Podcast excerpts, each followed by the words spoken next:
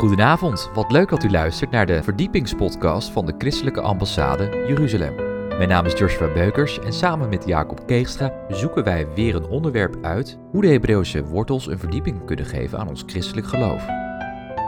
In aflevering 128 gaan wij verder met de Bijbelserie Zicht op Exodus over de tabernakel. Wij wensen u veel luisterplezier.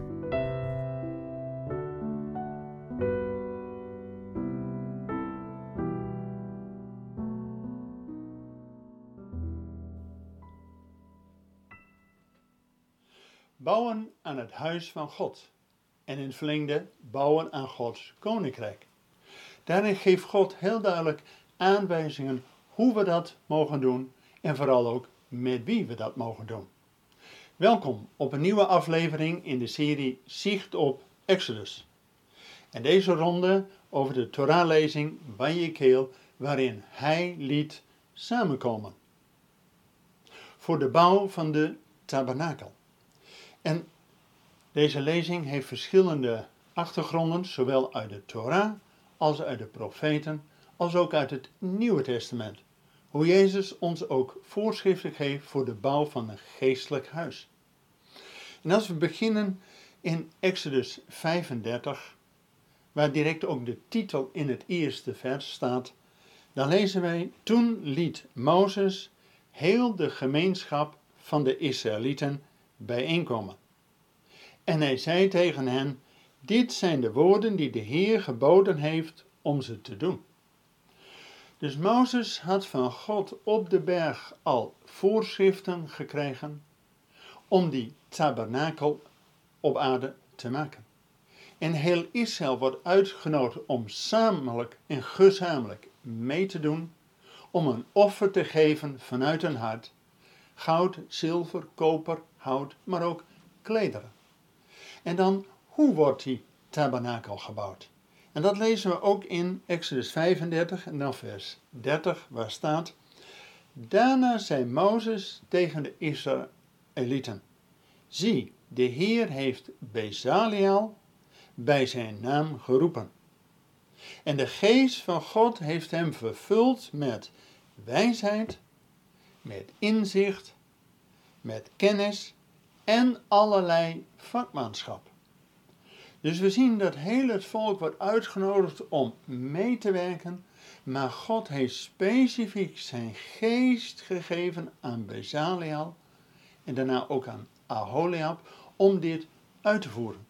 En ze hadden niet alleen wijsheid en kennis, maar ook vakmanschap.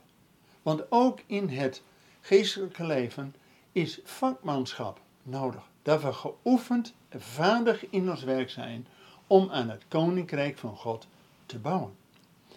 En als dan eenmaal ook die tabernakel gereed is, dan wordt die tabernakel ja, als centrum van de eredienst bijna 400 jaar gebruikt. Niet alleen in de woestijn, maar later ook in het beloofde land. En al die tijd van de richteren en tot aan Samuel toe, dat ook die tabernakel daar in Silo was. En als we dan de, beginnen met de koningen, vooral die koning David, is het David die in zijn hart krijgt om de Heer een huis te bouwen. Dus niet meer een mobiele ere dienst van die tabernakel, een tent, maar een tempel. Alleen God zegt tegen David: Nee, jij zult mij geen huis bouwen, maar die zoon van jou. En later koning Salomo bouwt dan ook het huis voor God, de tempel. Alleen David krijgt wel de belofte van God: Niet jij gaat mij een huis bouwen, maar ik zal jou een huis bouwen. En daarmee het huis van David, het koningschap van David, dat er steeds een zoon van hem op die troon van David zal zitten. En David ging al de voorraadschuren vol eh, zetten, zodat zijn zoon direct vanaf dag 1 van zijn regering kon bouwen aan het huis van God. En David had niet alleen ja, de voorraadkamers gevuld, maar hij had ook vriendschap met de koning van Libanon, Hiram, en die leverde hem ceders voor de bouw van het huis in Jeruzalem. En als dan later ook ehm, Salomo echt met die bouw van de tempel kan beginnen, dan is het ook Salomo en Hiram die samen ja, alles voorzien zodat die tempel gebouwd kan worden. En daarin zien we al een samenwerking tussen Jood en niet-Jood. Wat bij David en Hiram, vervolgens ook bij Salomo en die koning Hiram, dat een Jood en een niet-Jood samen bouwen aan het huis van God.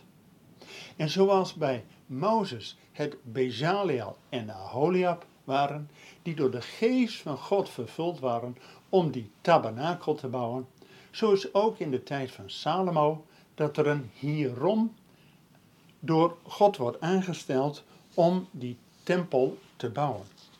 En dan lezen we ook in 1 Koningen hoofdstuk 7 in de profetenlezing vanaf vers 40. Verder maakte die Hierom al het werk dat hij voor koning Salomo maakte ten behoeve van het huis van de Heer.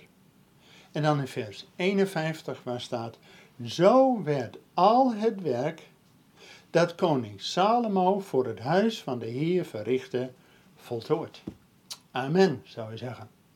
En die tempel heeft ook eeuwenlang dienst gedaan om, ja, een toenadering met de feesten te hebben dat God bij zijn volk en zijn volk naderde tot God. Dus die tempel was het centrum van Gods koninkrijk op aarde. Alleen we weten dat na ja, de ballingschap, dat koning Nebukadnezar, dat hij het huis van God had verwoest. En dan na de ballingschap is wel weer heel bijzonder dat dan ook weer een samenwerking is tussen een Jood en een niet-Jood.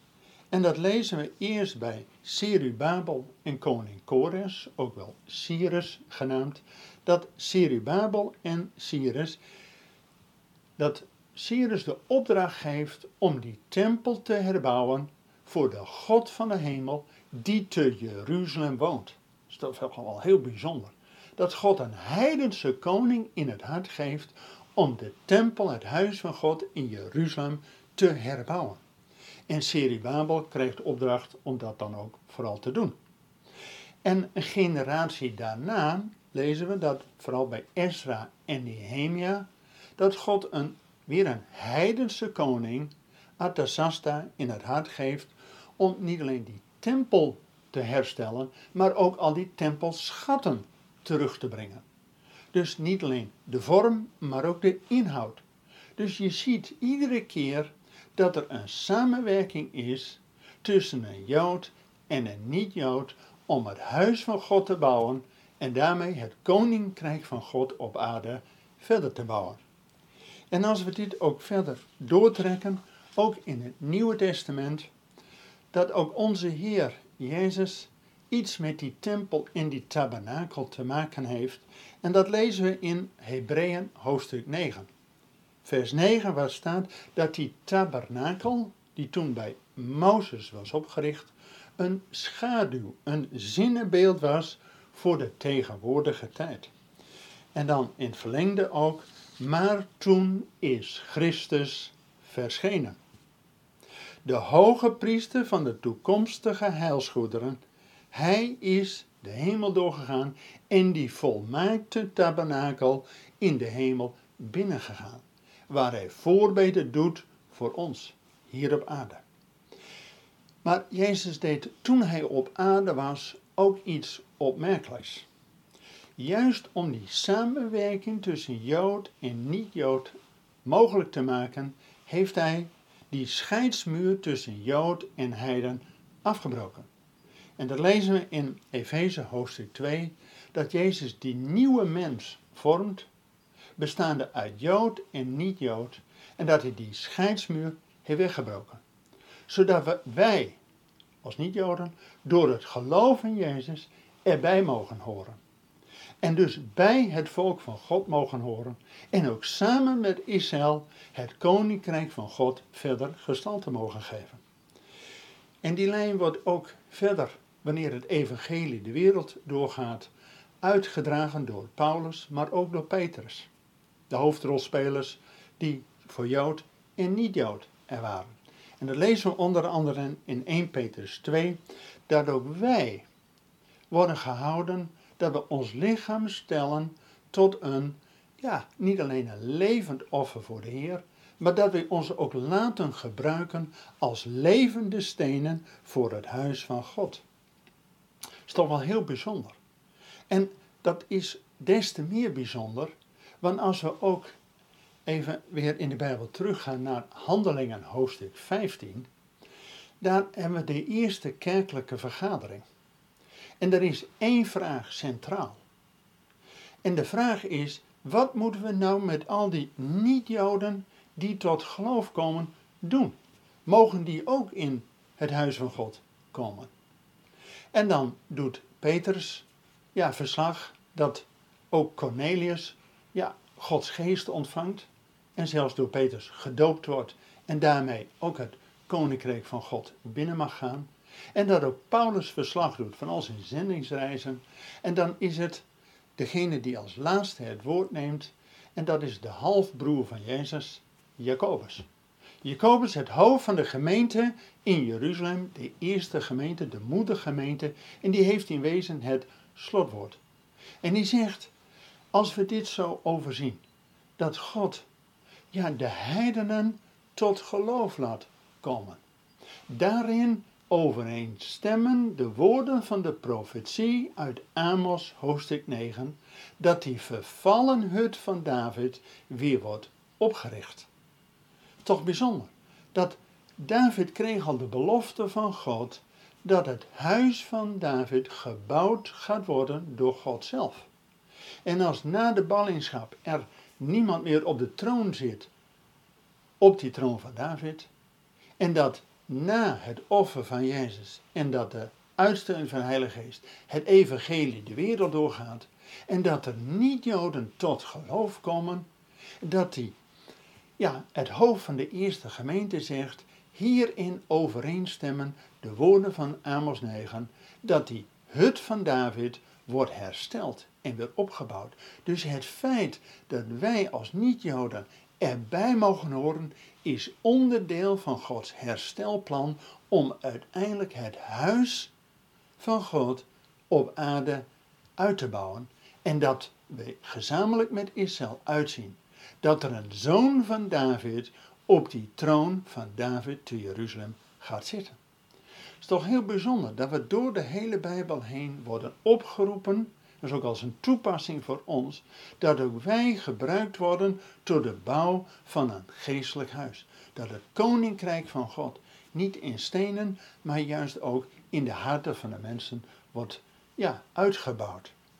En als we die lijn ook doortrekken, niet alleen van de eerste uh, gelovigen in de eerste eeuw, met ook de discipelen en de apostelen Petrus en Paulus, maar als we de lijn doortrekken ook tot in deze eeuw, is toch wel heel bijzonder dat toen de pogroms er in Rusland waren, dat juist ook christenen hielpen om de Russische Joden naar Israël te brengen, Alia te maken.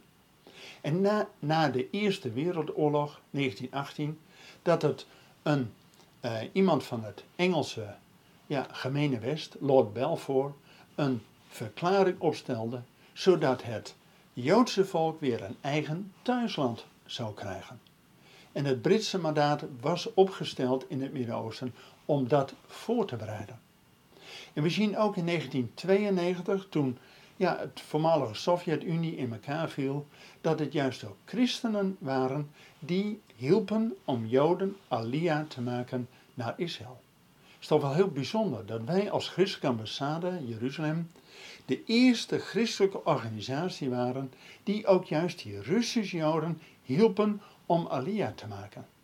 En dat doen we nu 32 jaar, dat we al ja, Israël ja, bouwen door hun terug te brengen. En we bouwen niet alleen aan Israël om hen terug te brengen naar het beloofde land Alia te laten maken, maar ook in het land proberen wij Israël geestelijk ook op te bouwen. En hen te troosten en in wezen voor te leven dat wij als niet-Joden geloven in de God van Abraham, Isaac en Jacob. En dat Israël wordt uitgenodigd om ook hun eigen God van Abraham, Isaac en Jacob te erkennen, te herkennen en te dienen. Zodat wij samen met Israël aan dat plan van God verder werken en uitzien naar die grote dag dat Jezus als de zoon van David komt en zijn voet zal zetten op de Olijfberg, gaat zitten op de troon van zijn vader David in Jeruzalem en dan zal Gods koninkrijk over de ganse aarde een rijk van vrede en gerechtigheid zijn. En tot die tijd blijven we bidden voor die vrede van Jeruzalem. We zijn aan het einde gekomen van deze podcast van de ICEJ. Waardeert u onze podcast? Steun ons dan. Dat kunt u doen door een donatie of door deze podcast te delen met uw vrienden of familie. Ga naar icej.nl. Volgende week volgt er uiteraard weer een nieuwe aflevering van de Christelijke Ambassade. Ik hoop dan dat u wederom naar ons gaat luisteren. Bedankt voor het luisteren en tot volgende week.